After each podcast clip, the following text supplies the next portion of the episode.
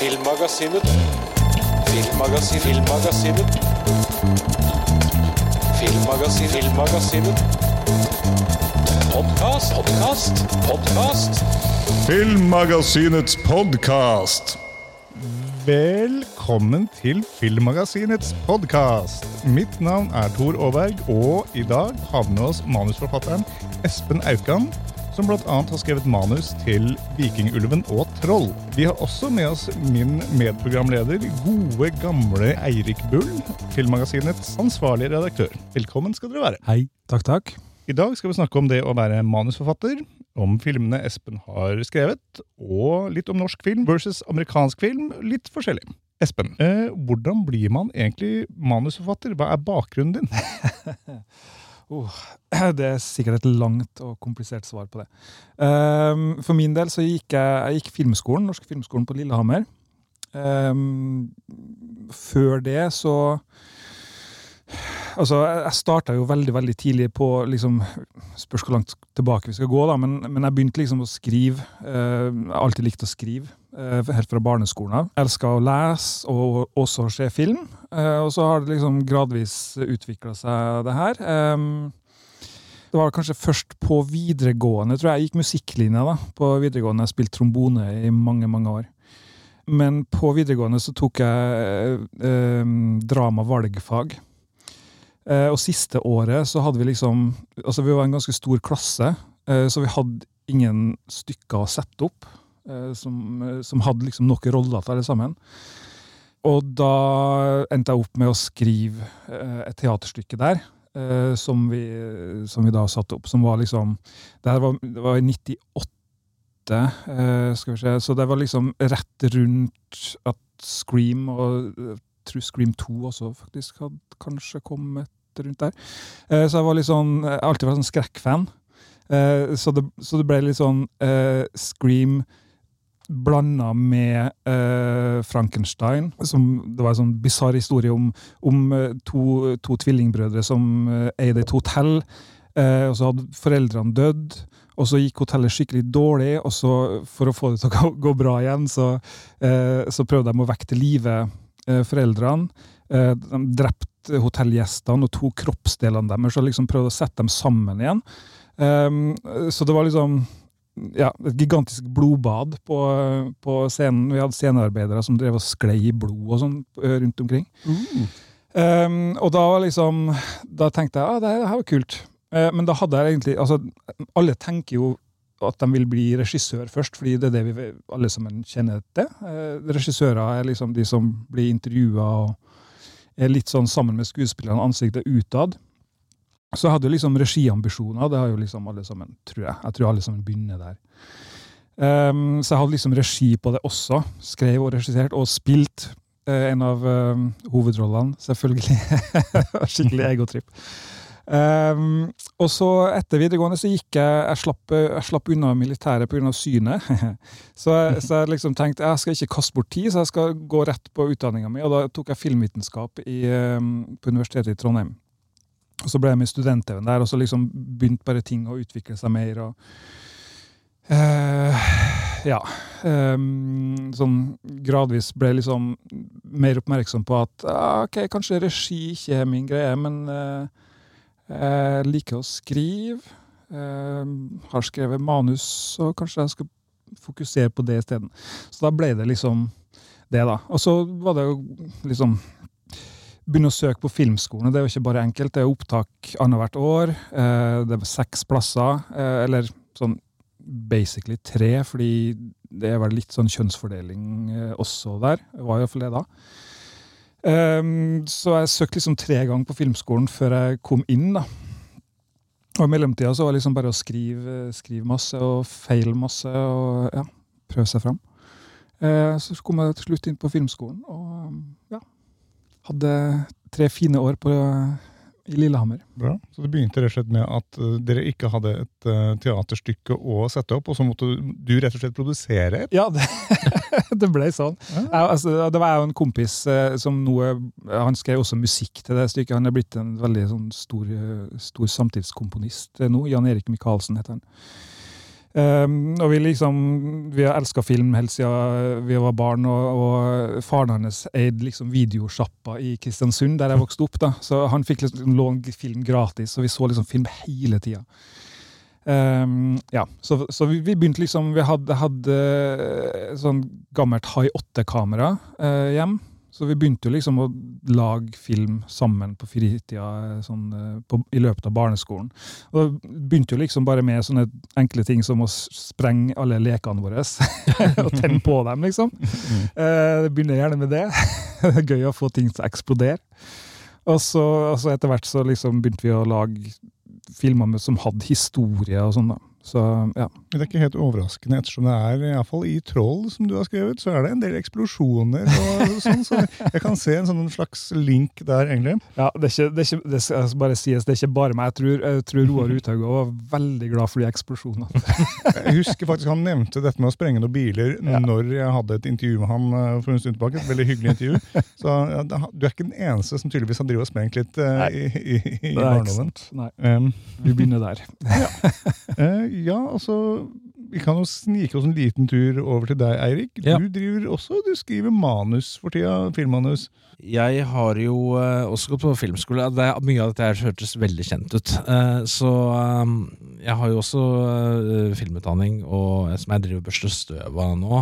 det å være ansvarlig redaktør i Filmmagasinet, det, det, har en tendens til å liksom få film til å bli en del av hverdagen da, hele tiden. og, og Eh, jeg begynte jo å um, Da jeg ble kjent med, med en, eh, en, jeg anser som en venn av meg nå, Mark Ordeski, eh, som, som, produserte Lord of the Rings for Peter Jackson, han, han Vi snakket om noen manusideer. Jeg hadde noen vi skulle, vi skulle finne ut om Har jeg det i meg ennå? For jeg skrev jo manus før.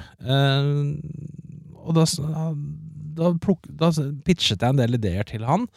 Det var, det var noe, en serie, blant annet, inkludert en, en, min egen versjon av War of the Worlds av H.G. Wells, en, en, en, bok jeg bryr meg veldig om.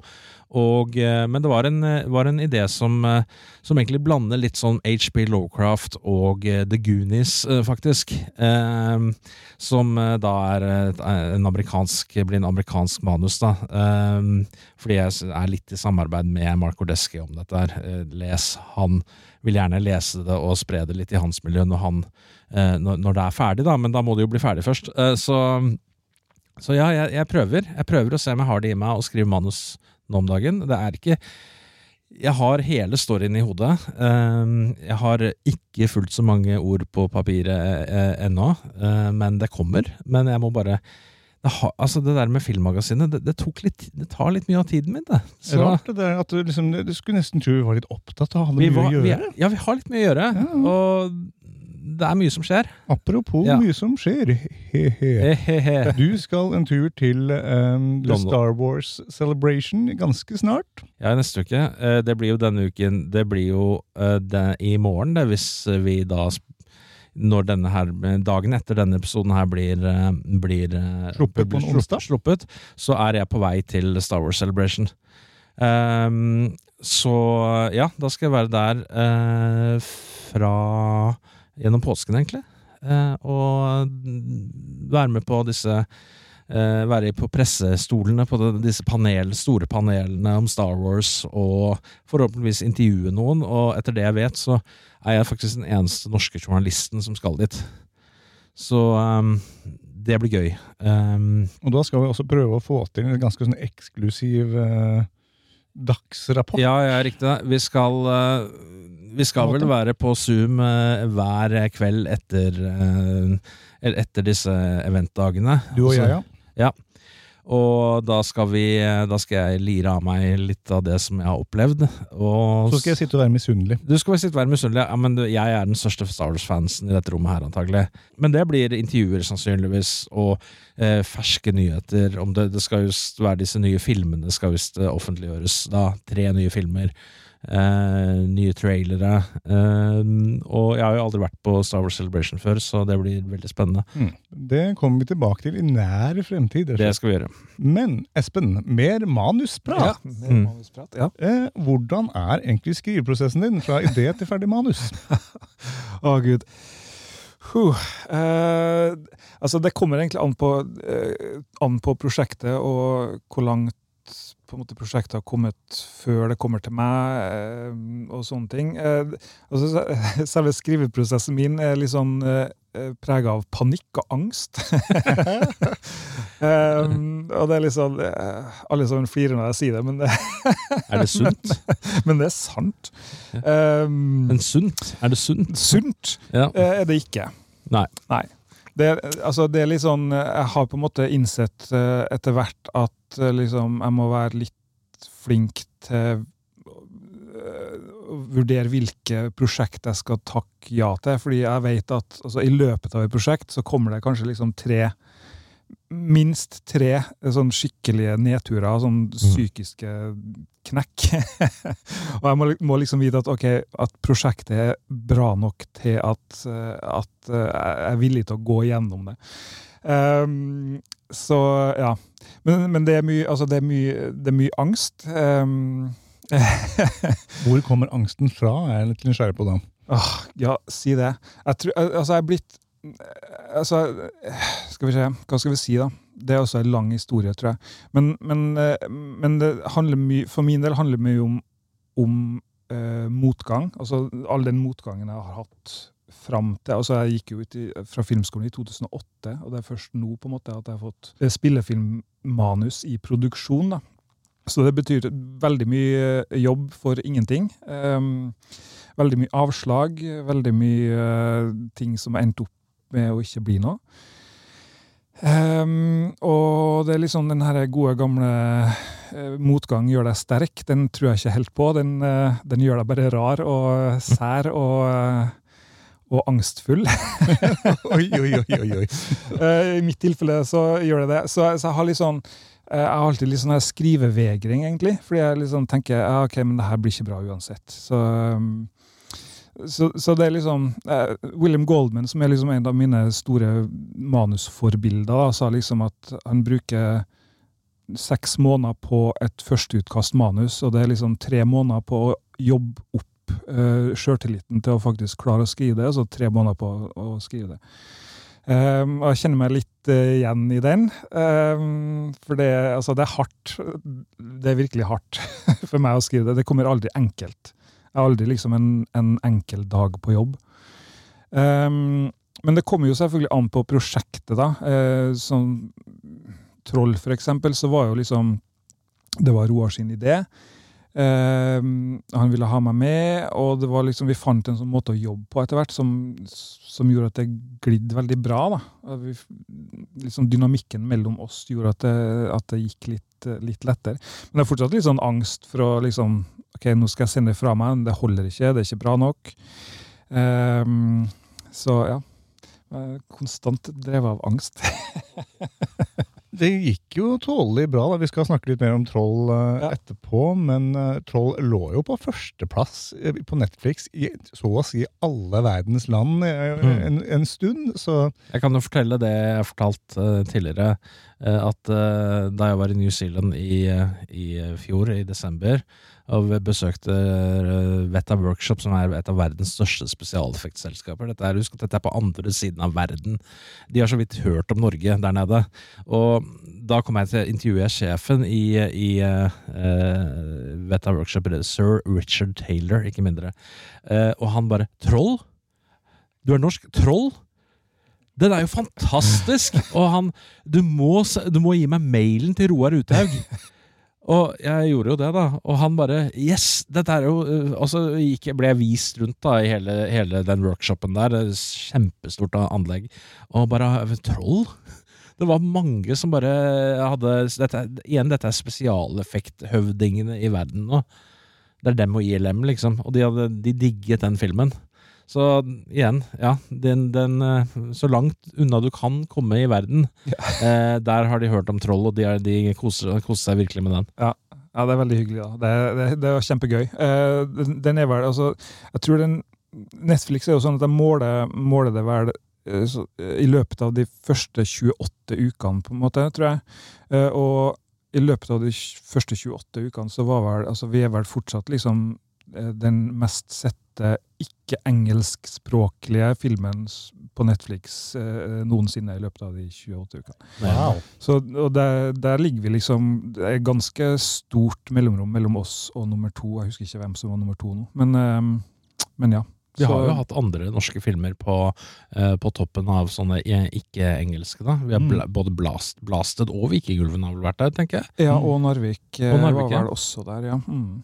Vikingulven var der to uker, tror jeg. Så, mm. Eh, Det er ikke bare angst, selvfølgelig, å skrive eh, manus heller. Men, men eh, som sagt, det kommer an på prosjektet. På, på Troll når jeg jobba veldig tett med Roar. Så altså, jeg skrev alt, men jeg hadde veldig sånn tett samarbeid med Roar hele tida. Jeg sendte av gårde til han, han leste og kommer med notes. Og så diskuterer vi, og så gjør jeg en ny versjon, og så videre og så videre.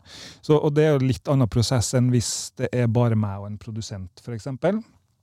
Eller det foregår litt på samme måten da, men da eh, er kanskje produsenten venter litt lenger. Med Roar så var det liksom veldig tett, nesten, nesten daglig, på en måte. Ehm, uh, ja. Er det å foretrekke? Altså, jeg liker det, da. Uh, Jeg liker det veldig godt, uh, egentlig. Altså, jeg liker å ha en regissør på veldig tidlig. Eh, Fordi det skjer noe i den dynamikken mellom oss, og så har jeg eh, Iallfall i tilfellet med Roar, så er Roar en veldig sånn behagelig og rolig og litt sånn selvsikker person, som på en måte veier opp for min angst og, og litt sånn eh, panikk. Um, sånn at ja, vi, fun altså det, vi fungerer veldig bra, bra sammen. Da. Og da Det er veldig sånn fint. Det er en sånn god flyt eh, for meg. Hvordan arbeider du med karakter- og plottutvikling når du skriver? Det også kommer helt an på. Det, eh, så vanligvis, hvis det er et prosjekt med en regissør veldig tidlig, så har man jo gjerne liksom storymøter der man på en måte snakker seg gjennom og jobber litt fram ideer, slenger ideer over bordet, prøver forskjellige ting, får på plass en sånn slags struktur. Ja, altså det, er- altså det er en gans, ganske lang prosess. Å finne karakterer syns jeg er vanskelig. Men det er liksom byggeklosser. Alt er byggeklosser. Jeg begynner gjerne ofte med navn. Ganske enkelt. Hva heter dem? Eh, og, jeg, er sånn, jeg er litt opptatt av at man på en måte bygger et, eh, altså et fiksjonsunivers som fungerer som sin egen lille boble, på en måte. Eh, sånn at alle navn er ikke bare sånn som putter inn vilkårlige navn. Jeg vil gjerne at navnene skal bety noen ting, og de skal klinge godt sammen. Eh, sånn at jeg, jeg når jeg ser filmen, så tenker jeg ja, det er troverdig at de her personene eksisterer i det her universet sammen. Jeg har en sånn musikalsk bakgrunn, så jeg er litt sånn opptatt av måten ting klinger på. Eh, eh, også navn, liksom. Også replikker. Eh, tenker hele tida en sånn musikalitet i det.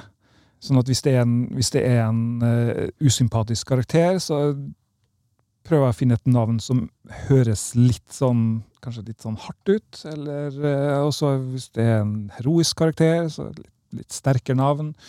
Uh, sånne ting. Men, men altså, det, det viktigste er liksom altså, Man sier jo gjerne det at det viktigste med manuset er struktur. Eh, og det er jo sant. Altså, så lenge man har en solid struktur, så kan man liksom gjøre litt uh, frijazz innimellom.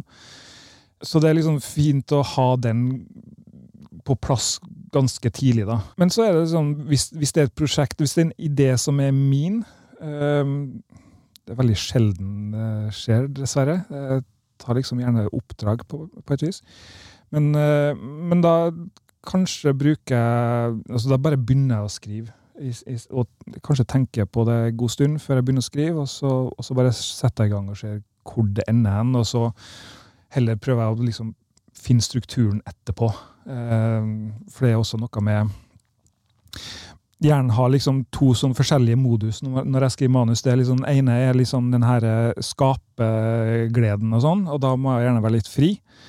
Eh, og så tvert på en måte jeg slår over på problemløserhjernen. Eh, da blir skriveprosessen litt annerledes.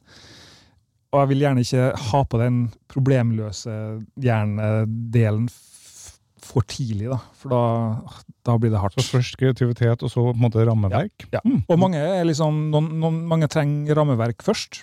Jeg syns det er veldig slitsomt. Eh, så jeg liker gjerne å finne rammeverket underveis. Eller Når du er på et prosjekt, hvor mye av dagen pleier du å skrive? Um, I begynnelsen av prosjektene altså jeg, har, jeg, altså jeg vet jeg har på en måte eh, en begrensning på maks fire timer hver dag der jeg kan jobbe fokusert. Det, det er på en måte det jeg har. Ja. Etter det så, så vet jeg at ok, da jeg gjør, jeg gjør det gjerne, men, men det blir ikke så bra. Nei. Eh, men selvfølgelig, når det nærmer seg deadline og sånn, og panikken virkelig slår inn, så Jeg spør, jeg, spør, jeg spør fordi jeg har bror som er forfatter, og han forteller jo om sånne eh, nitimers eh, skriveøkter gjennom natten og sånn, så det Ja. er ikke deg. Eh, jeg, jeg, jo, jeg gjør det litt, men det er gjerne sånn nærme deadline-tid. Ja. eh, jeg, Litt klar, sånn angst. eh, ja, jeg klarer ikke å gjøre det Jeg gjorde det før, eh, Ja. liksom. Eh, men eh, jeg er ikke ung lenger. Ikke, jeg må ha søvnen min for å fungere. du har ikke sånne ritualer, sånne skriveritualer og sånn som igjen broren min, han har skrivesokker for eksempel. Nei, det har jeg Sånne, ikke. ja, med tær. Så hvis, Det var det siste jeg hørte. hørte. Jeg har ikke snakket med han på en god stund, men, men han har fortalt at han har skrivesokker med tær på, og så har han sin sin egen sånn, sånn, sånn, sånn bod da, hvor han må sitte og skrive. Nei, jeg har ikke det. Jeg har, men jeg, har, jeg, er, jeg er veldig opptatt av at det er ryddig rundt meg. Jeg må, altså Ja. Kontoret mitt, eh, Jeg har hjemmekontor, da, men det er alltid ryddig. Altså, det, jeg har ikke mye lapper som flyter rundt eller sånt. Jeg er veldig sånn og så, og så tenker jeg veldig bra når jeg, når jeg støvsuger, av en eller annen grunn. Altså jeg, altså jeg tenker bra i dusjen, og når jeg støvsuger. Ja, Eh, ideene, har ideene, kommer sånn jo, ideene kommer jo når du dusjer og kjører bil. Ja. Så, øh, og jeg, skulle, jeg tror kona mi skulle ønske at øh, jeg fikk de gode ideene når jeg støvsugde.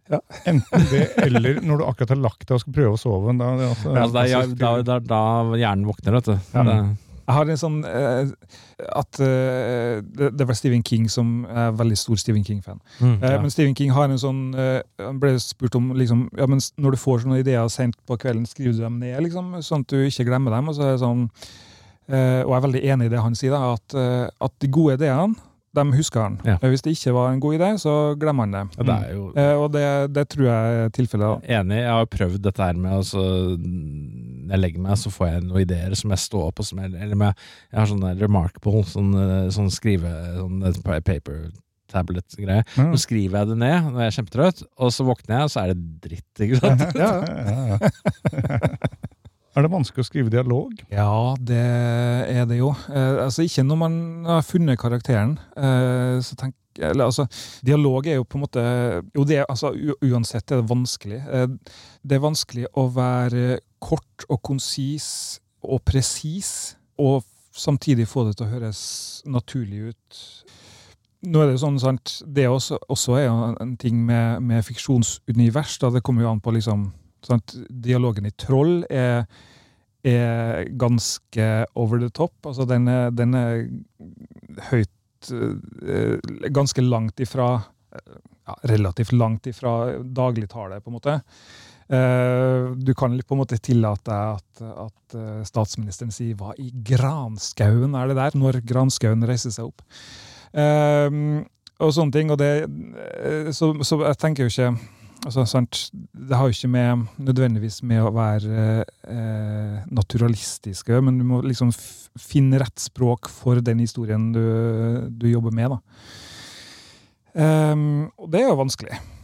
Um, og så må du liksom Det kan ikke være noe død, prat. Det er kjedelig. Eh, så det er liksom vanskelig å være kort og konsis og, og ja, presis og liksom drive historien framover.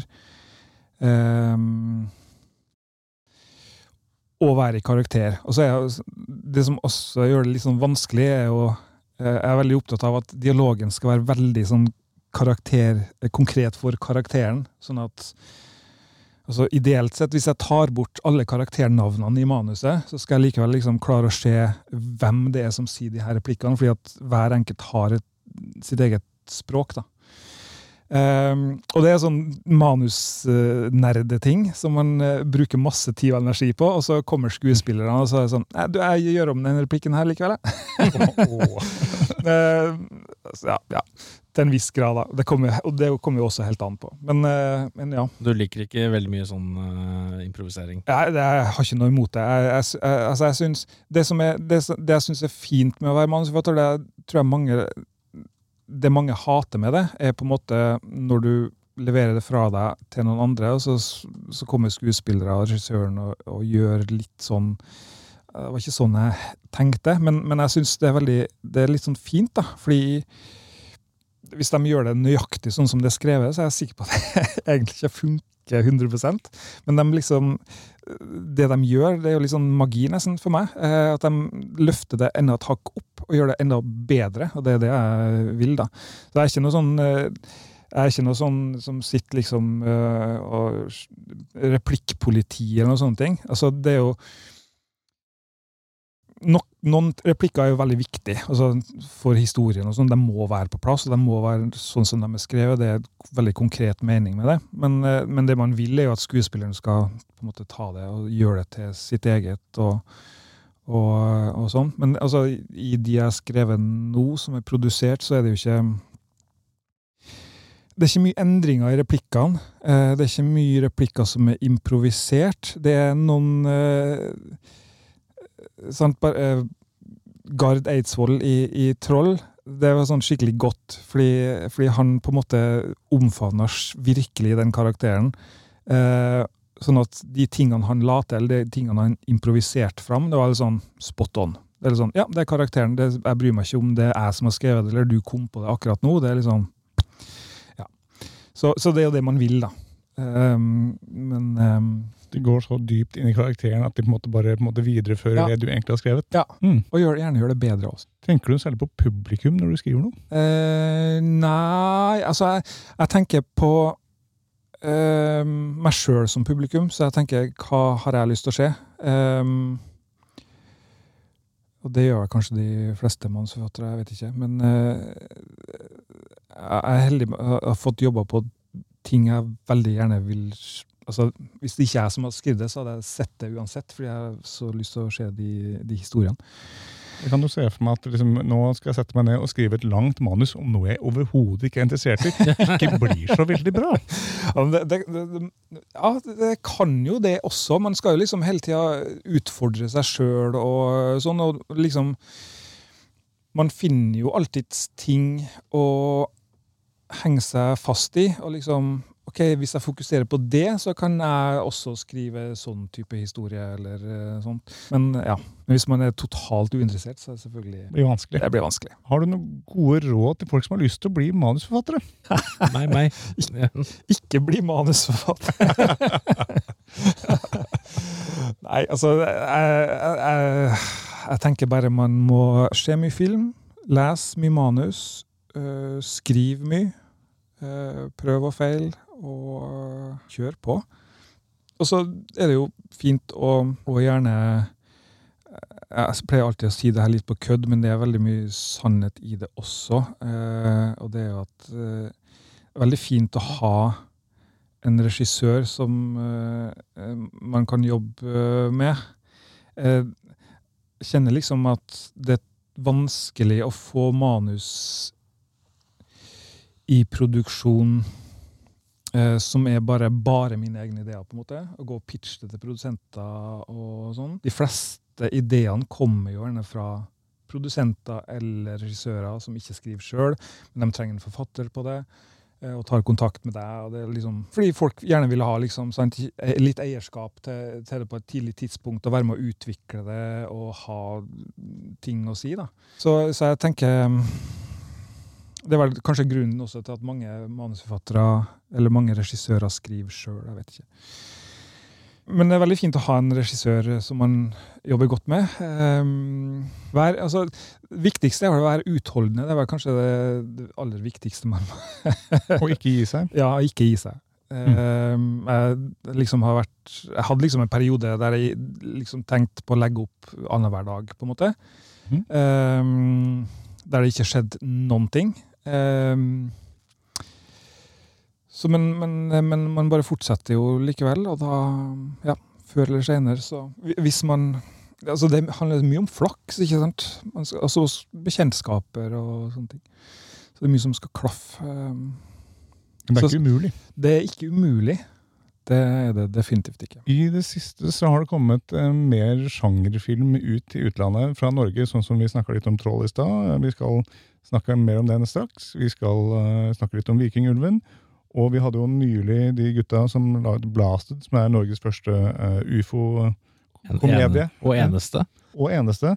Så liksom, det har jo blitt en positiv utvikling hvor Norge pumper ut mer sjangerfilm til utlandet. Det er jo veldig fint, og det er veldig fint å se at, eh, at den slår an i utlandet. Altså, eh, ja, Vikingulven gikk veldig, veldig, veldig dårlig på kino i Norge. Eh, og vi var liksom ganske deprimert over de tallene som kom inn, og så slapp vi den på Netflix, og så bare tok den helt av på, i utlandet. da. Eh, og det var liksom et stort publikum som omfavna den, og skrev om den og snakka om den. og det var liksom, wow. Jeg likte den kjempegodt, og jeg har anmeldt den. Ja. si. Du skrev en fin anmeldelse. Takk for det. Takk, takk. Det var hyggelig. Så, men, men, eh, men eh, folk gikk jo ikke sånn på kino. Så, men, men den slo an i utlandet. Det var, ja. Så det betyr jo at, at norsk sjangerfilm har et internasjonalt nivå. Altså både på manusnivå og på det tekniske og alt. liksom At, det, at de historiene vi forteller, de, de fenger utlandet. Jeg har jo kontakt med noen podkaster, filmpodkaster og sånn fra USA, og eh, det jeg blir spurt om, er jo, eh, er jo nettopp de filmene som ble nevnt her nå. Ikke, jeg blir jo ikke spurt om Narvik, egentlig, selv om det er en fin film, men eh, det er jo, det er jo Blasted, og det er Vikingulven, og det er Troll som, som går igjen. Vi snakket jo litt om Troll i stad. eh, og du, Hvordan kom måtte, samarbeidet med eh, Roar Uthaug i gang? egentlig? Eh, Det kom vel i gang Det er også en ganske lang historie. Eh, Jeg kan ta den lange, da, siden det her er en podkast. Mm. Den lange historien er Da jeg gikk ut fra filmskolen i 2008, så skrev jeg jo et eksamens spillefilmmanus der. eh, Som var liksom hovedoppgaven vår det siste året.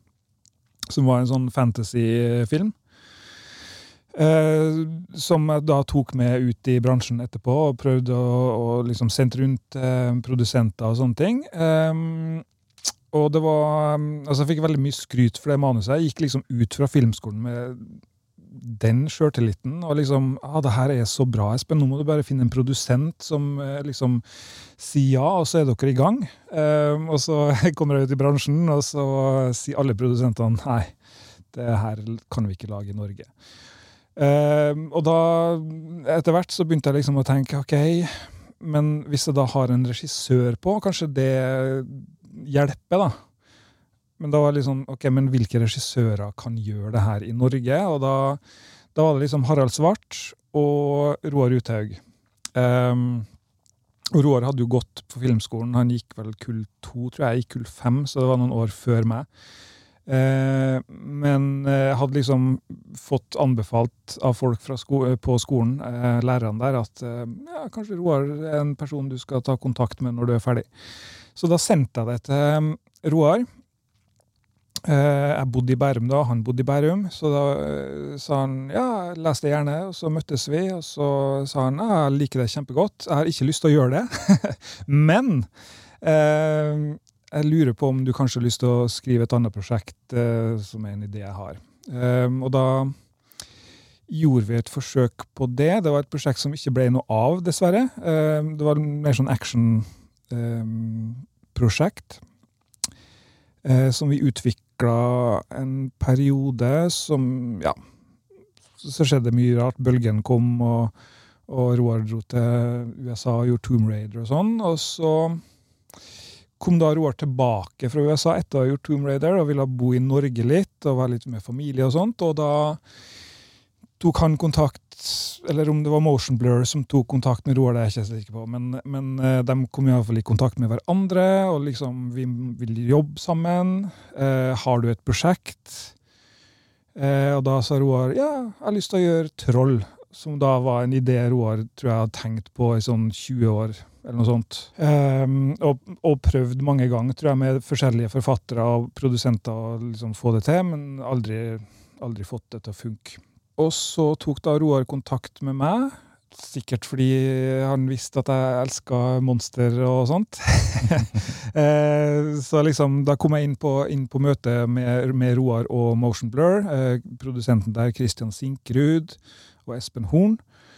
Um, og det er litt sånn luksus for en forfatter å liksom være den som blir pitcha for. Ja, ja. um, så det var veldig fint, for jeg hater å pitche.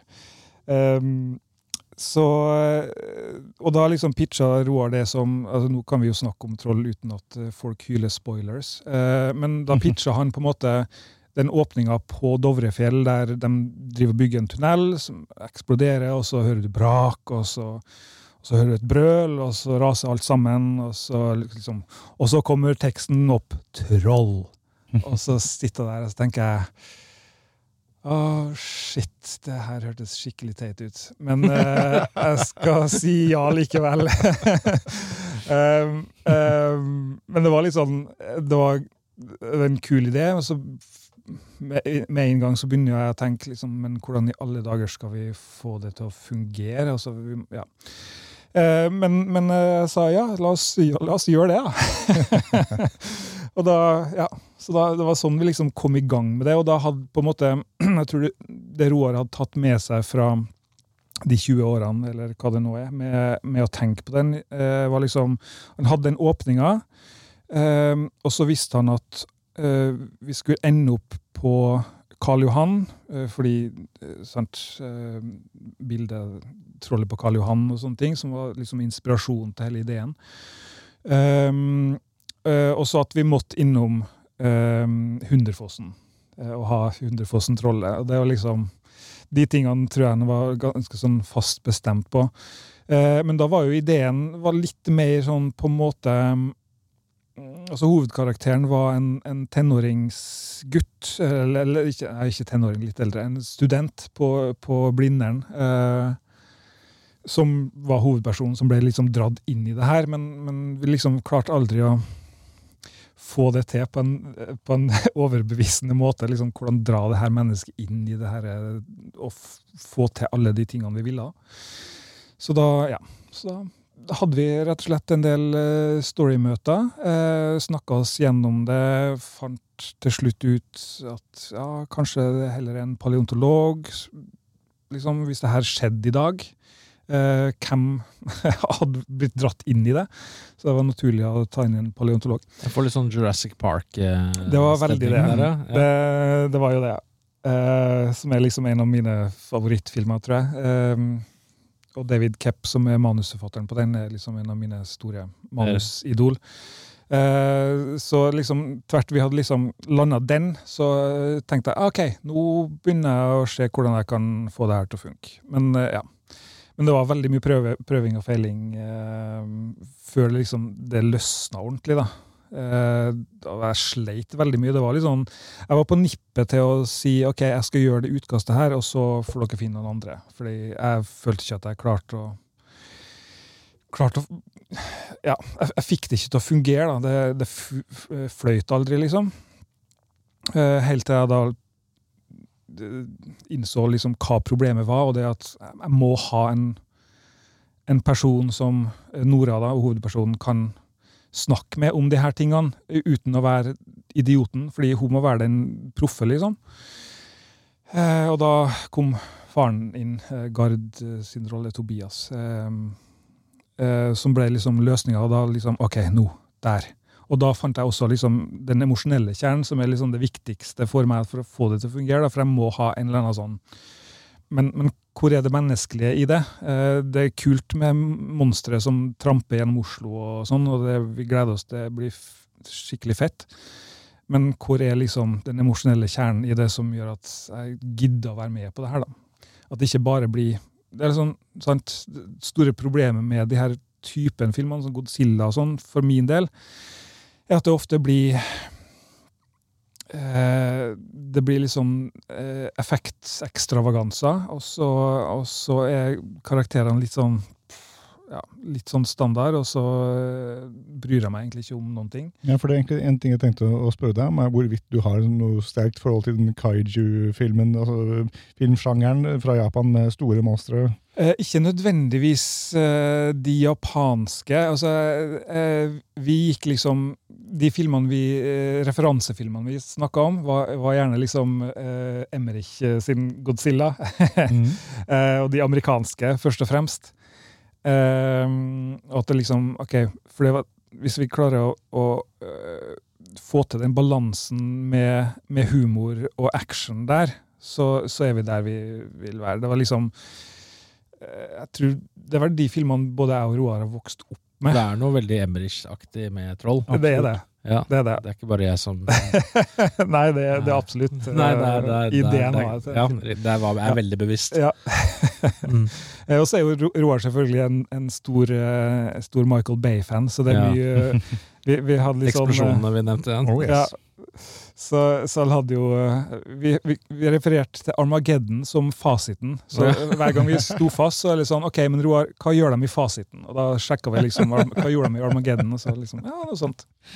Så, så ja. Mm. Man kan jo på mange måter tolke eh, handlingen i filmen som en slags sånn eh, kritikk av menneskets påvirkning på naturen. Var det viktig for deg å få en sånn miljøperspektiv på det? Altså Det var jo utbygging av Dovrebanen og sånn. Den, den lå der jo helt fra starten av. Eh, Så, så det er liksom Jeg er ikke en sånn kjempemiljøaktivist, akkurat, men, men, eh, men det var jo altså, Det var jo en ting som gjorde den eh, kanskje litt enklere å selge inn også hos Netflix, f.eks. Eh, veldig sånn dagsaktuelt og eh, Og så tror jeg Det var vel kanskje når Ine eh, Wilman kom inn um, og takka ja til den rollen. For hun er veldig, eh, veldig involvert i det, og veldig opptatt av det. Um, så da, da tok vi en runde på manus der vi liksom framheva det litt mer enn det opprinnelig var. da. Eh, Det lå der jo hele tida, men, men hun var liksom veldig sånn, eh, ja, hadde et, et veldig engasjement for akkurat det. Så da liksom, ok, men da, vi, det kan vi skru opp litt. Jeg intervjua jo uh, Ine Marie Billmann samtidig med uh, Roar Uthaug.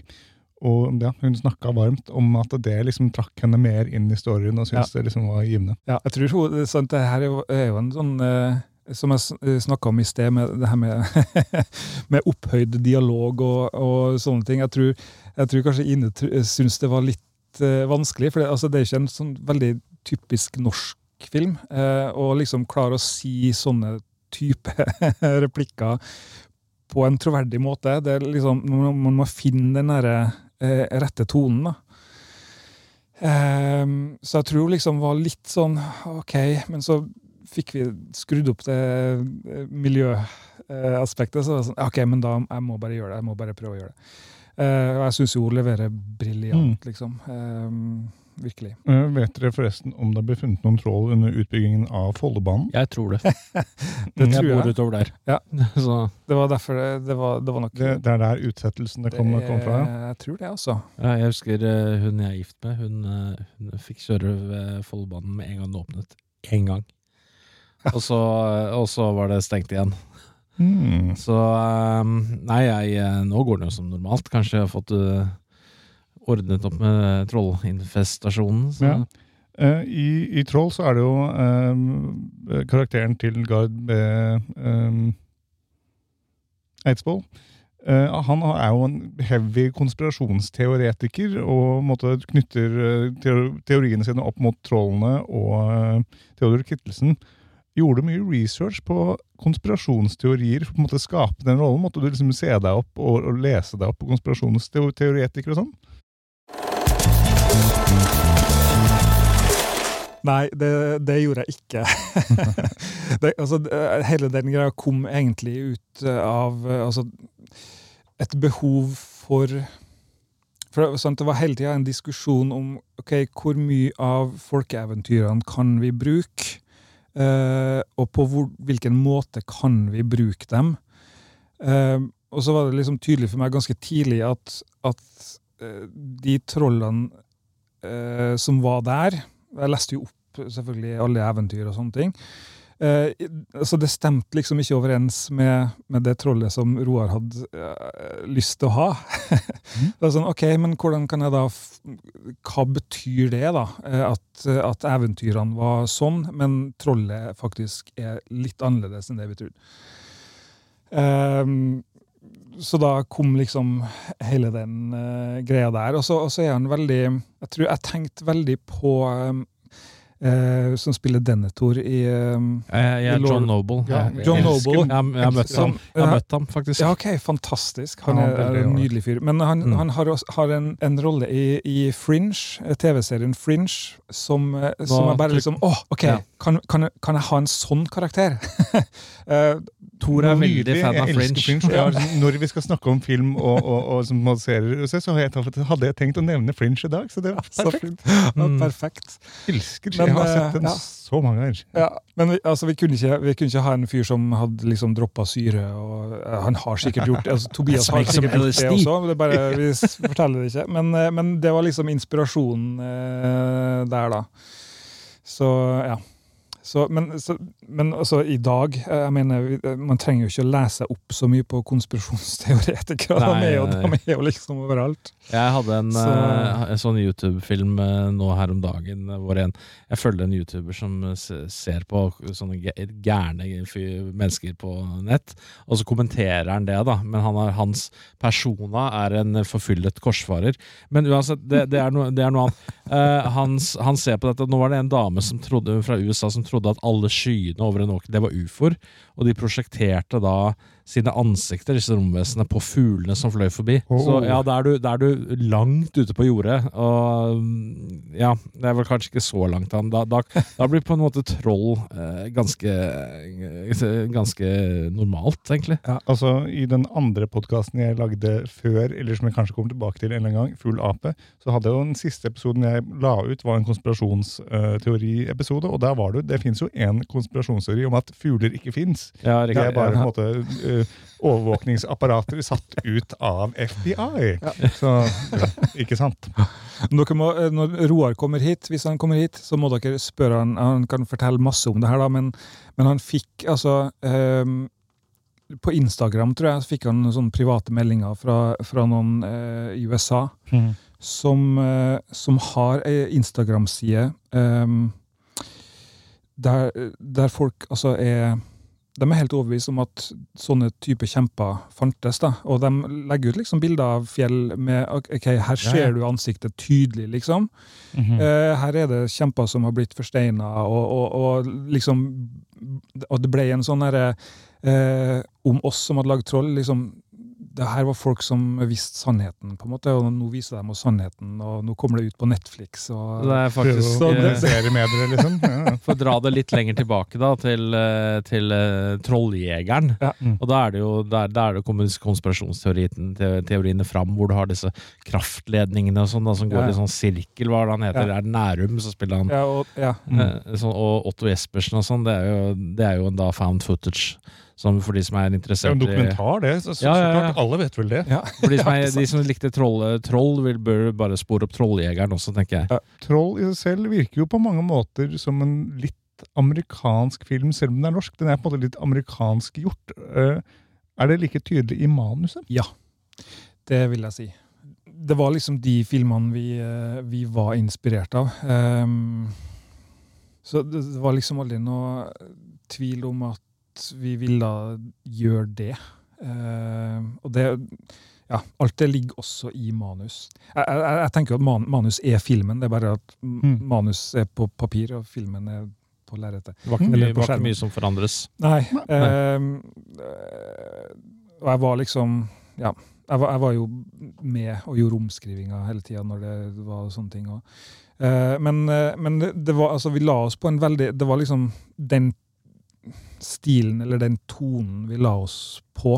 Um, helt tidlig, sånn at alle sammen på en måte er på, på samme på samme side der. Um, så det var liksom de filmene vi lot oss inspirere av, da. For du vet du er inne i Emrich-territoriet når de der helikoptrene kommer med Ja. disse klokkene og sånn. Da, da, da er du langt dypt inn i Det er sånn, sånn, sånn scener så ser vi jo stadig den typen Ikke, ikke akkurat det, men eh, tilsvarende da i sånne store monsterfilmer fra, og Emmerich katastrofefilmer. Men apropos monstre, så tenker jeg vi sniker oss videre til Vikingulven, som du skrev manus eh, til med Stig Svendsen. Hvordan var prosessen med utviklingen av det manuset? Det var litt, an, eller, litt likedan og litt annerledes. Eh, det var en, en ganske annerledes prosess, da. Eh, det hadde Altså, Stig hadde skrevet et uh, førsteutkast av det manuset først. Eh, på det tidspunktet så het det Thriller. Eh, litt sånn inspirert av Michael Jackson-sangen 'Thriller', eller mer kanskje videoen. Eh, John Landis eh, eh, har regi på. Um, litt sånn 80-tallsgreia. Um, og så spurte Stig meg om jeg ville se på det, og hva jeg syntes, og om jeg kunne tenkt meg å gjøre et nytt utkast uh, av den. Uh, og da det var Altså, da var historien ganske annerledes enn det det endte opp med å bli. Uh, det var litt mer en sånn who done it, hvem, eller hvem er varulven-greie. Um, litt mer sånn detektivhistorie som jeg ikke kicka på i det hele tatt. Men det var mye fint i det. Og så sa jeg vel til Stig eh, Jeg pitcha vel liksom hvordan jeg kunne tenkt meg å gjøre det. Og så sa Stig, som han alltid Vi har jobba sammen flere ganger på ting som ikke har blitt noe av. Mm. Stig er alltid sånn som sier Ja, jeg vil se Espen sin versjon av det her. Vær så god, kjør på. Eh, Så da gjorde jeg, gjorde jeg bare det. Jeg liksom strukturerte om, eh, lagde nye karakterer. Jeg beholdt eh, del, de delene jeg syntes var gode, og det var liksom den her jaktsekvensen som ender i gruva der. Første gang man møter varulven. Og noen sånne ting som var liksom Ja. Som jeg syns fungerte. Men omstrukturert alt og lagd nye karakterer og egentlig en ny historie, da. Ehm, og så gikk vi vel litt tom for eh, utviklingsmidler, som jo ofte skjer. Så Stig liksom tok det videre etter det um, for å få det finansiert, eller og fin først finne en produsent som var villig til å gjøre det. For vi mista produsenten vi skulle ha. Uh, og endte opp til slutt hos uh, Jon M. Jacobsen på Filmkameratene, uh, som jo er en legende. Artig fyr. Ehm, veldig erfaren og veldig ja, sjangerperson, som eh, man jo trenger når man skal gjøre en sånn type film. Ja, Så Stig videreutvikla det litt på egen hånd, sendte meg ting. Jeg kunne egentlig ikke jobbe det, på det da, fordi jeg hadde andre ting jeg gjorde, men jeg leste og kom med tilbakemeldinger, og så sendte vi liksom fram og tilbake og diskuterte og sånne ting. Og så eh, får jeg en telefon fra Stig en dag om at eh, OK, eh, nå er vi i gang. Eh, men nå heter den Vikingulven. Eh, vi har skrevet inn en vikingsekvens. Eh, fordi Jon M. Jacobsen mente at man måtte ha en, en vikingmytologi her. Så, så liksom, de hadde utvida det litt. Til, så den vikingdelen av historien var egentlig ikke noe eh, jeg hadde eh, tenkt på i det hele tatt. Vi hadde en sånn liten eh, hint av det eh, på et tidspunkt, men så tok de det da og utvida det litt. Ja, for vikingdelen er jo i stor grad øh, kort øh, sekvens på Den er- som gir ja. måte kontekst. Ja, Og så er det jo ikke så veldig mye viking ellers, men det gir jo potensielt ganske bred appell i utlandet, da. Veldig. Mm. Det, Det er nok ikke dumt. Det var slettes ikke dumt. Sånn, eh, produsent, gode produsenter vet hva de driver med. Mm. og, så, så da, og så fikk de eh, også Netflix da med på å medfinansiere det, samtidig som de da skulle ta seg av utenlandsdistribusjonen og den. Eh, og så kom jeg inn helt på slutten sånn aktivt og skrev en versjon, eh, fordi de måtte kutte litt i budsjett og, og sånne ting. Så det var liksom den prosessen der, da. Eh, men den tok mange år, altså. Det var, jeg tror jeg skrev jeg tror jeg skrev mitt utkast, første utkast i 2016. Så lenge siden. Ja. Vi hadde egentlig en annen produsent på det, og så gikk ikke det gjennom. Og så var det å prøve å finne noen andre. Og det, ja. En lang prosess. Og så liksom kommer Netflix inn og vil ha sine, har sine notes på det. Og så, ja. så det, er en, det er en lang, lang prosess. Filmen er jo satt i Bygde-Norge. Eh, var den det fra begynnelsen av? Det er veldig relaterbart, kan man si. da. Det er veldig norsk, særnorsk. Ja, det, det var helt fra starten av. Ehm, det var også en av de tingene jeg utdypa litt mer eh, i, da jeg tok over. Jeg, jeg liksom tenkt Ja, jeg vil gjøre en sånn Bygde-Norge-ting, men jeg vil også gjøre det litt mer Stephen King-ish. Eh, litt sånn eh, amerikansk småby som, som King gjør så eh, sinnssykt bra. Og det var selvfølgelig ganske mye mer i manus enn det som endte opp i, i filmen der. Eh, vi hadde liksom Altså, alle rollene var vel litt større. Altså, Ordføreren var litt større, eh, journalisten var litt større. Det blir selvfølgelig litt for mye, da, eh, så man må liksom komprimere det eh, litt sånn eh, etter hvert. Vi var vel ikke opptatt av å gjøre noe ut av liksom den herre uh, ulvekonflikten som vi har i Norge, uh, egentlig. Men, men, men den ligger jo der, uh, veldig sånn naturlig for oss. Eh, Men det er jo ikke noe folk i utlandet og sånn kjenner til. Eh, Så, så Netflix var jo mer opptatt av ok, men vikingene. Mm -hmm. Men det, altså det er en veldig fin ting å ha en sånn setting. Det var en sånn litt, litt sånn isolert uh, småby, og litt sånn småbytankegang. Litt sånn bygdedyr og ja. Det, det var en sånn perfekt setting for det, tenkte vi da. Og så selvfølgelig så er det også litt sånn Jeg tenker jo ikke på det når jeg skriver, nødvendigvis, men, men eh, eh, det gjør det jo litt billigere eh, å liksom kunne dra til en liten by enn å liksom gjøre det i Oslo. og Stenge av masse gater. Ja, Det virka kanskje mindre sannsynlig. Altså, skogen er et godt sted Det er å ha en varulv. Det er det. Uh, American Werewolf in London virket som en uh, inspirasjon. Veldig, eh, veldig. Er det Eh, andre, andre filmer du kan eh, ville trekke fram Ja, er som er Er hovedinspirasjon? du dypt inne i varulvfilmer? Ja, det, altså, det, jeg, tror, jeg tror kanskje varulva er favorittmonsteret liksom, mitt, eh, sånn eh, i film. Eh, jeg- både jeg og Stig er jo veldig veldig glad i amerikansk varulv i London, eh, så den var en stor eh, inspirasjon. Og så, som sagt, eh, alt, altså eh, Ting Stephen King har gjort, eh, Salem Slott, eh, It, eh, som har den herre småby... Silver, bu Silver Ja, Bullet? definitivt. eh, Silver Bullet. Eh, og så er det også altså det, det er noen sånne helt konkrete eh, henvisninger til haisommer eh, Ja, ja, ja. i, Mm. i eh, Vikingulven. Det er til og med altså den obduksjonsscenen eh, Der er noe av dialogen direkte oversatt fra, fra eh, obduksjonsscenen i Haisommer. Og liksom åpninga med Altså, Haisommer så har du denne strandfesten som åpner hele filmen, og så har vi også en, en liten fest eh, med ungdommene eh, nede ved det vannet sånn, i, i, i bukta som heter Bukta. Yeah. Um, som også er liksom Haisommer-referanser, da. Ehm, og da, altså på, det, på et tidspunkt der ordførerrollen var litt større, så var hun også litt mer som ordføreren i, eh, i Haisommer, på en måte. Som eh, eh, Nei, vi skal kjøre på likevel, eh, uansett. eh, ja, koste hva det koste vil. Veldig mange filmer etter High Summer hadde den rollen der i.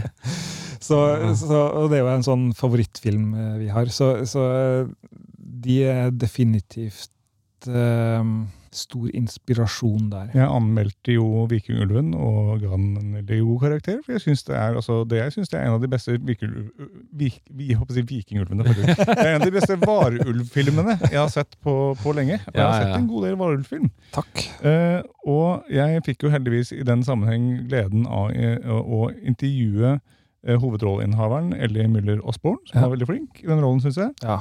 Og jeg fikk også den utsøkte glede av å intervjue Norges ledende varulvekspert. Jan Ingar Thon. Å, det Det var veldig moro. Det er nisje. Det er nisje, men det, og det, det var å, Fortell om, fortell om kompisen hans. Hæ? Fortell om kompisen. Det skal jeg gjøre. Altså, han, han er jo Det var jo en fest å snakke med den mannen. Jeg lærte masse. Jeg skrev en artikkel som fortsatt ligger på Filmmagasinet om både intervju med eh, hun Ellie og med han, hvor det er masse nyttig og spennende eh, varulvinformasjon. Så- Nyttig? nyttig, ja. I mange, sammenhenger. Eh, hvis du skal ut i skogen. Eh, og han, han har jo annet skrevet en bok eh, som heter 'Vareulver, blodtørstige menneskedyr og hårete filmhelter'. Eh, og han har jeg tenkt å prøve å få inn på uh, podkasten her etter hvert. Det er en hel halloween-greie. Ah, ja, ja. så! Altså Hvis han lar seg overtale, så skal vi én ha en uh, varulv-spesial.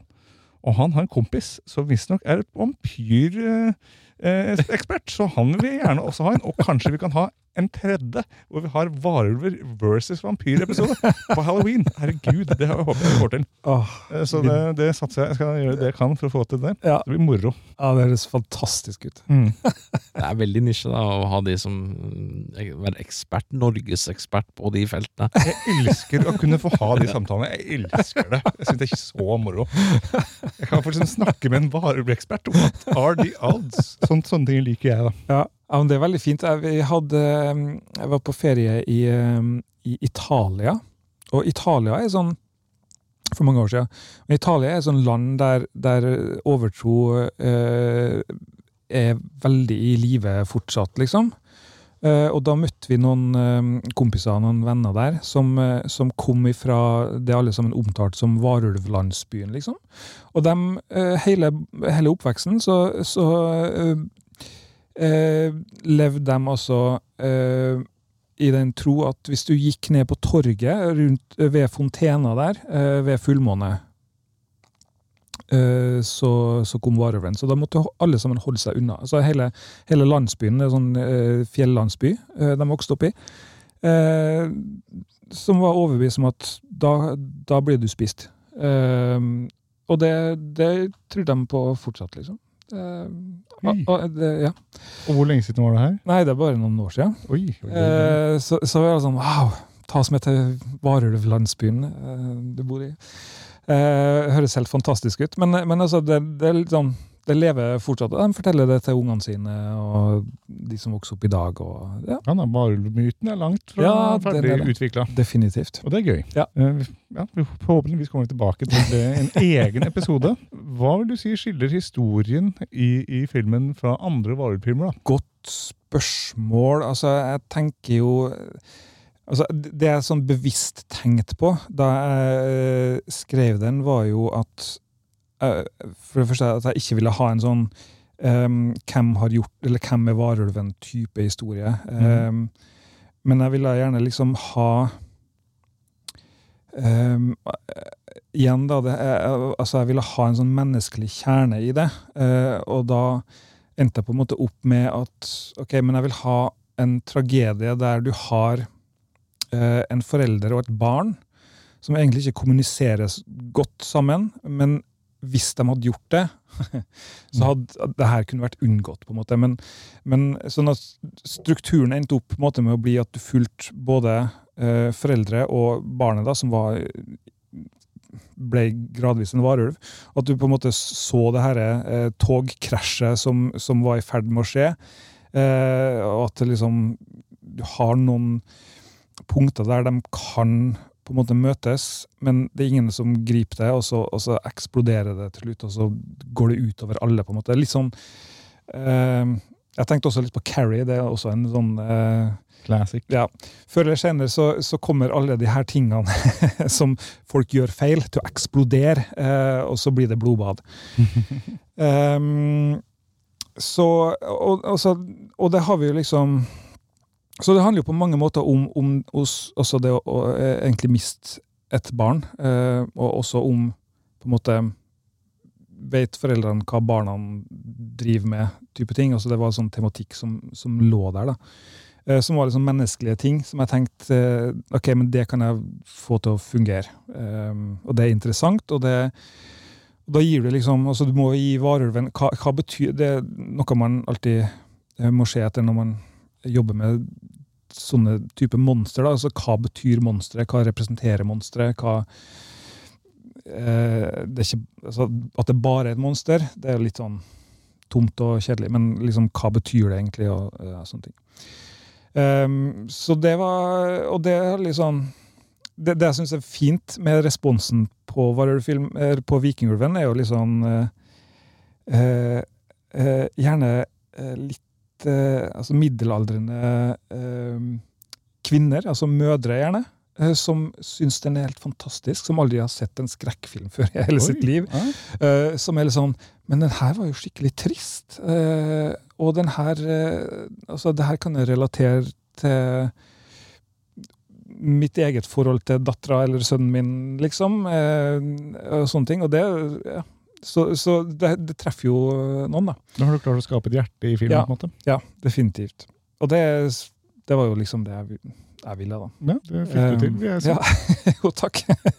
Jeg har et siste spørsmål om Vikingrunden før vi går videre. og Ja. det er, Jeg la jo merke til, og det har sikkert flere med meg, eh, at Tale, som er hovedrollen i filmen, har eh, den sjeldne genetiske eh, til- tilstanden heterokromia, altså et brunt og et blått øye. Er Ja. dette for å gjøre det lett gjenkjennelig, eller var det i manus, eller kom det etterpå? Det var, det tror jeg, det var ikke i manus, faktisk. Um, men skulle, det er sånne ting jeg skulle ønske jeg skulle ha ljugd nå og bare sagt ja, ja, selvfølgelig var det i manus. uh, men jeg tror det var, jeg tror det var uh, Jim Udenberg som, som uh, var makeup-artist på den, som lurer på om det var han som kom på det. Ehm, men, men det var liksom Altså fordi vi valgte å transformere til en hel ulv, at det ikke var liksom en varulv på to bein. Eh, så var det liksom Ok, men hvordan menneskeliggjør vi det? Eh, tror jeg var litt eh, utfordringa der.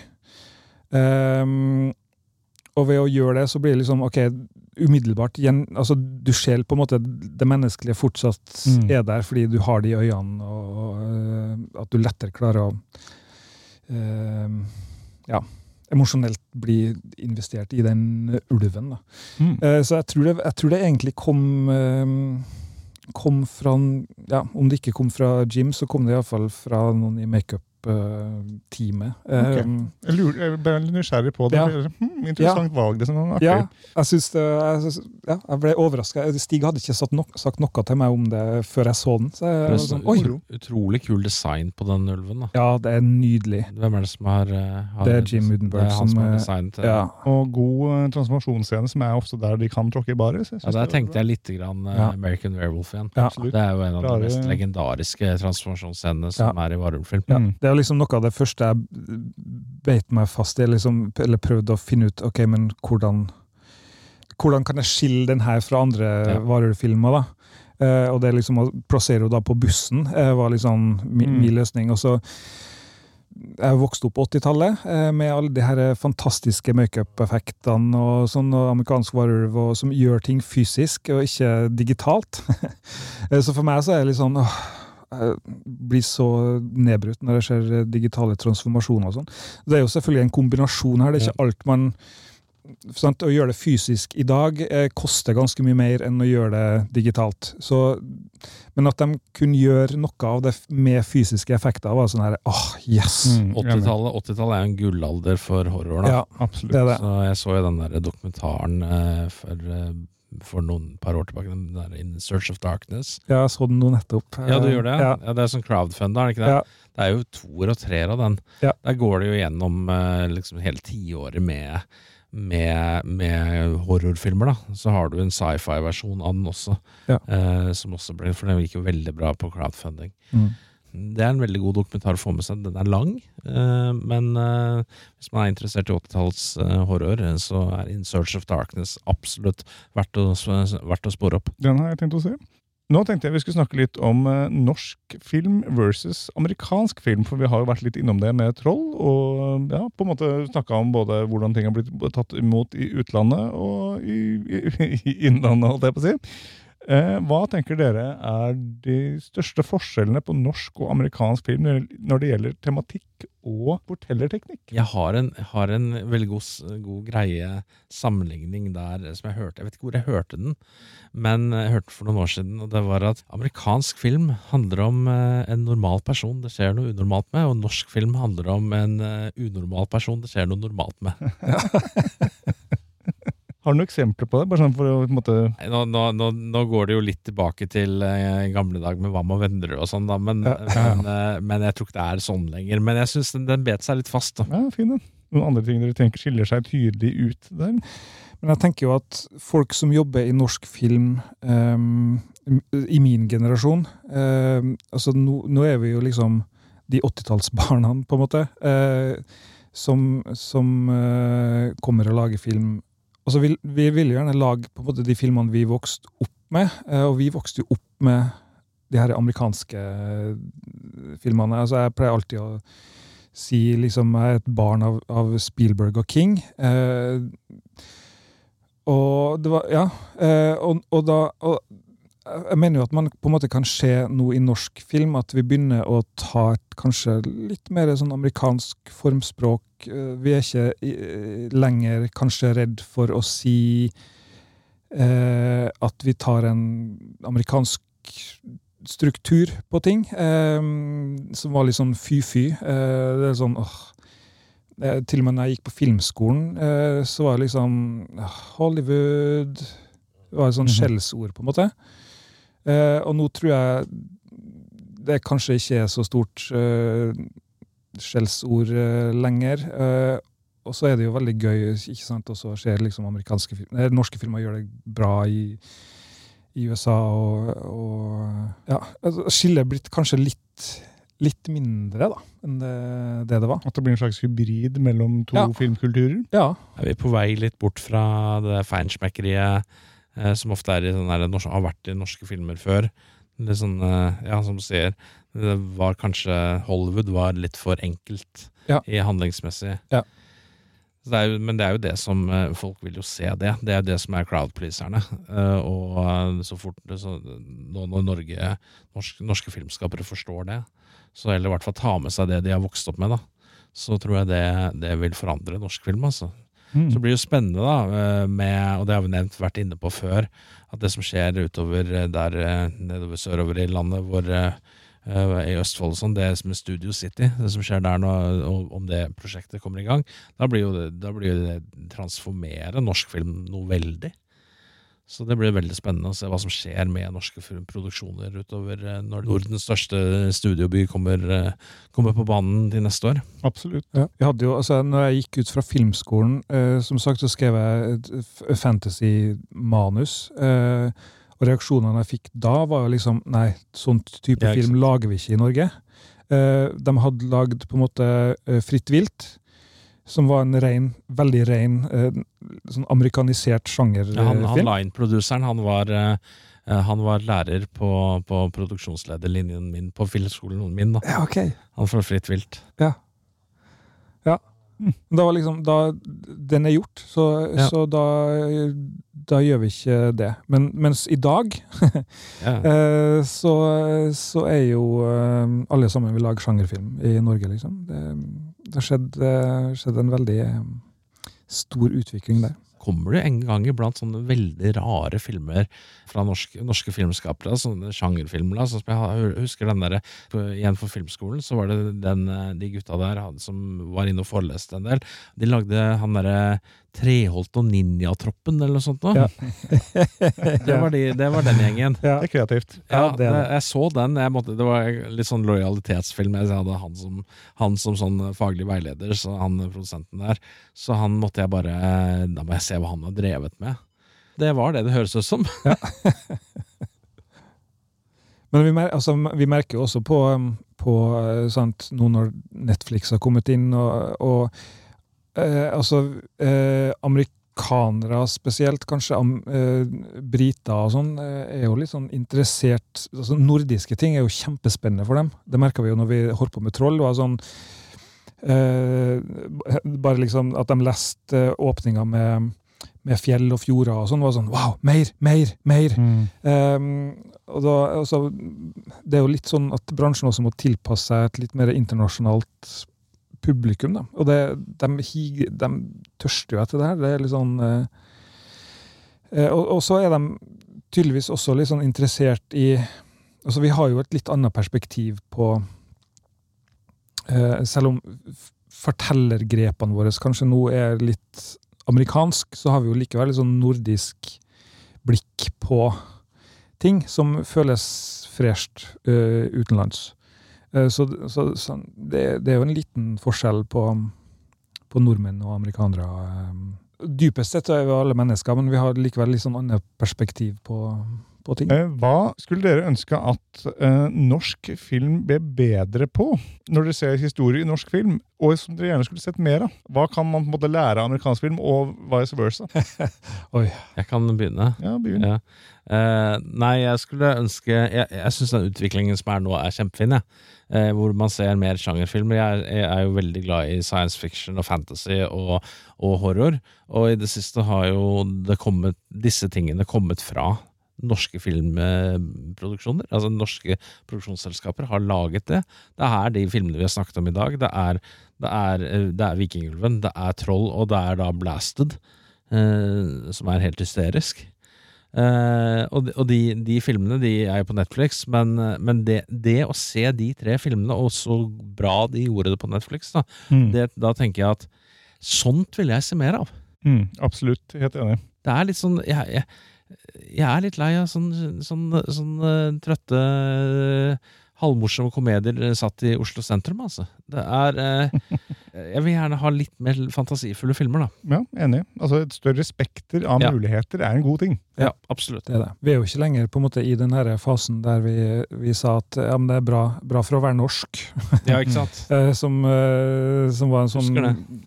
Gikk på rep repetisjon, iallfall når jeg studerte uh, filmvitenskap i Trondheim, husker jeg. Det var liksom alle, alle norske filmer vi så, var sånn Ja, ja. Men det var OK for å være norsk, da. Ja. Men, uh, men nå er vi jo tydeligvis uh, ikke der lenger, heldigvis. Eh, så så vi, er, vi er på rett vei, tror jeg. Mm, absolutt. Har dere sett noen gode filmer eller serier i det siste? Ja, det har jeg. Eh, Jeg var litt sånn i tvil eh, hva jeg skulle eh, snakke om da. Eh, Jeg hadde liksom et sånn eh, prosjekt nå nettopp med å, å se alle Scream-filmene før eh, nummer seks kom på kino. Og så det, det gjorde jeg da. Jeg så 1, 2, 3, 4, 5, og så kollapsa ryggen min, så jeg ble liggende. Så jeg har ennå ikke sett nummer seks. Så Mm. jeg, jeg skulle liksom ha det veldig sånn tett i tett. Um, men, um, men det har jeg altså gjort. Jeg har ennå ikke fått sett nummer seks, da. Men jeg har sett de fem andre. Uh, så jeg har sett en film, filmserie, Mm. uh, faktisk. Uh, ganske nettopp. Og som jeg syns var et veldig hyggelig gjensyn. Det er veldig lenge siden jeg har sett dem nå. Jeg så nummer Første er vel fra 1996? mm. Hvordan er kvaliteten? Går det litt opp og ned? Er det liksom en stigende kurve her? eller Nei, altså, jeg syns kvaliteten holder seg. Jeg syns, eh, nummer fem eh, er den desidert svakeste av dem, eh, så jeg er litt spent på nummer seks eh, nå.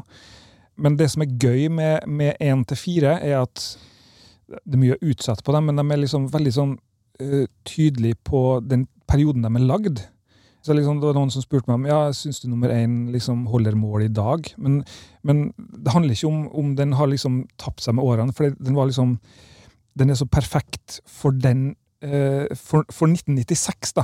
Mm. Eh, så det er veldig sånn nostalgisk for meg å se dem. Eh, altså jeg har liksom, jeg er inne i en sånn slasher-periode akkurat nå. Jeg driver leser slasher-bok og sånn, eh, som er helt fantastisk. Um, eh, og liksom se opp igjen Scream-filmene er sånn ja, fryd, da.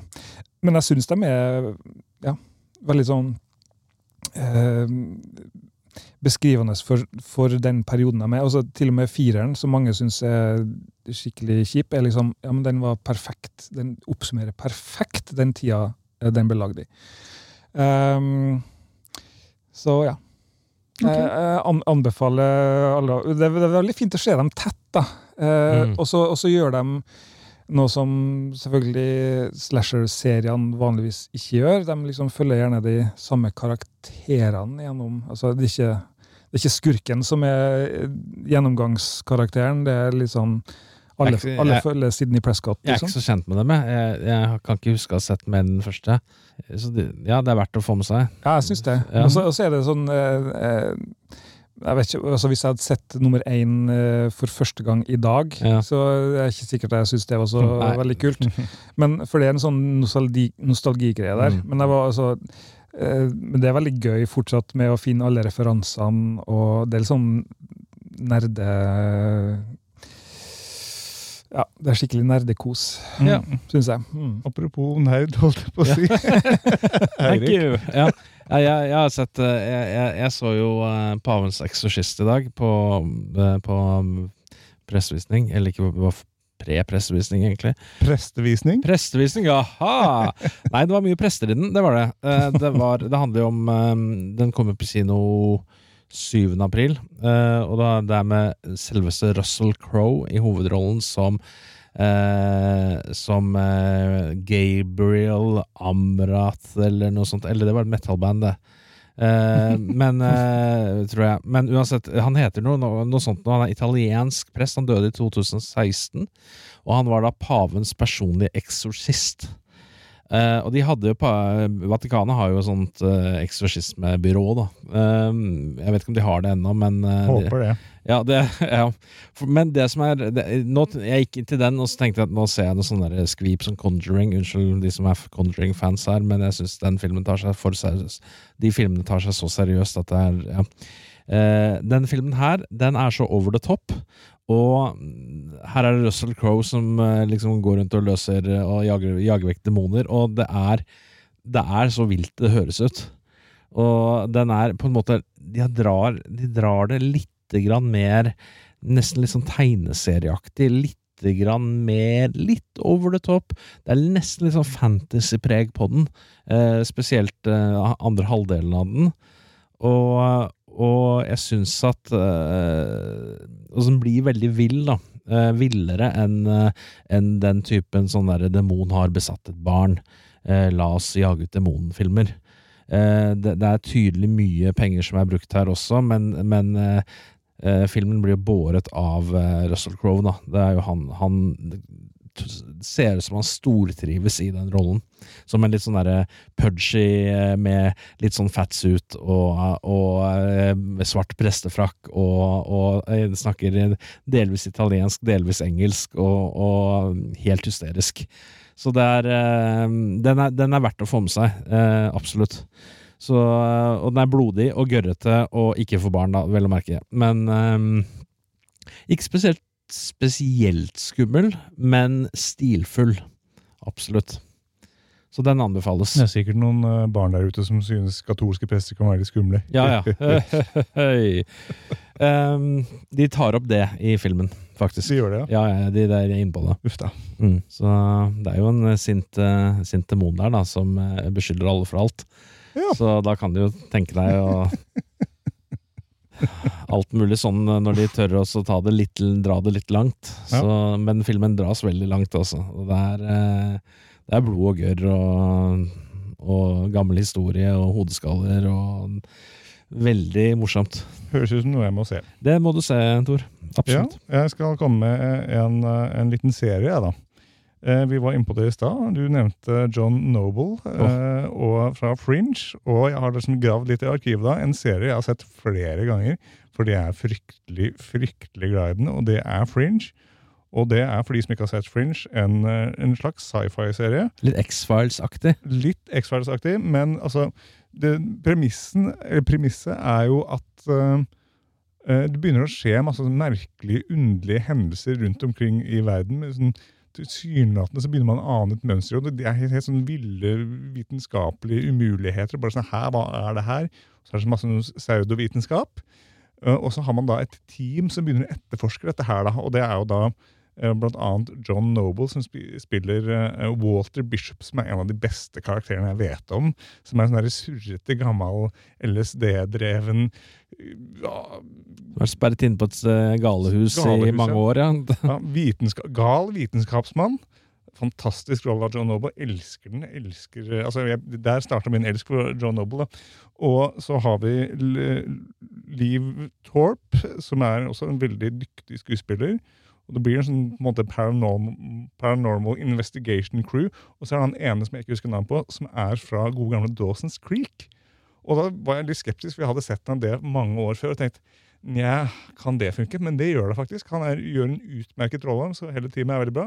Det er bare en fantastisk serie, eh, og man begynner etter hvert å bare ane en større overarching story med eller flere parallelle univers. Så har du, så har du eh, nylig avdøde Lance Reddick spiller eh, en av rollene i den. Også en utmerket rolle, Ja. han. Han døde, han, også han som du ser i eh, John Wick-filmene.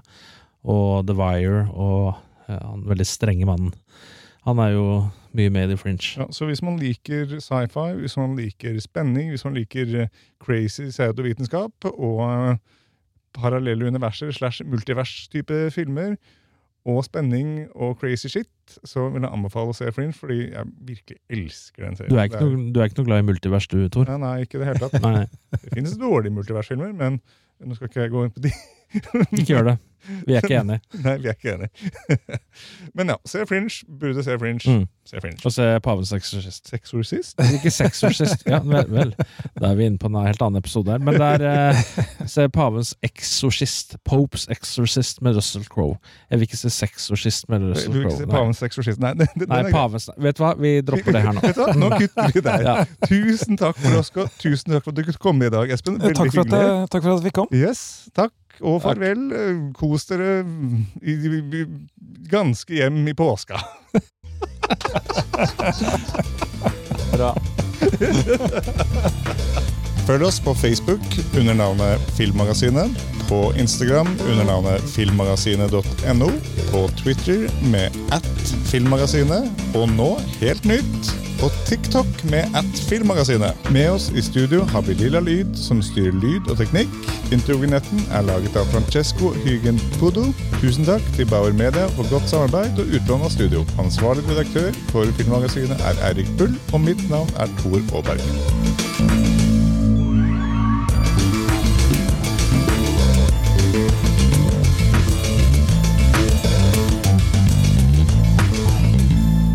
Ønsker du å si noe om det, eller skal vi hoppe videre? Hopp videre. Den er grei. den er grei. Det er helt kurant. Bare zzz, zzz,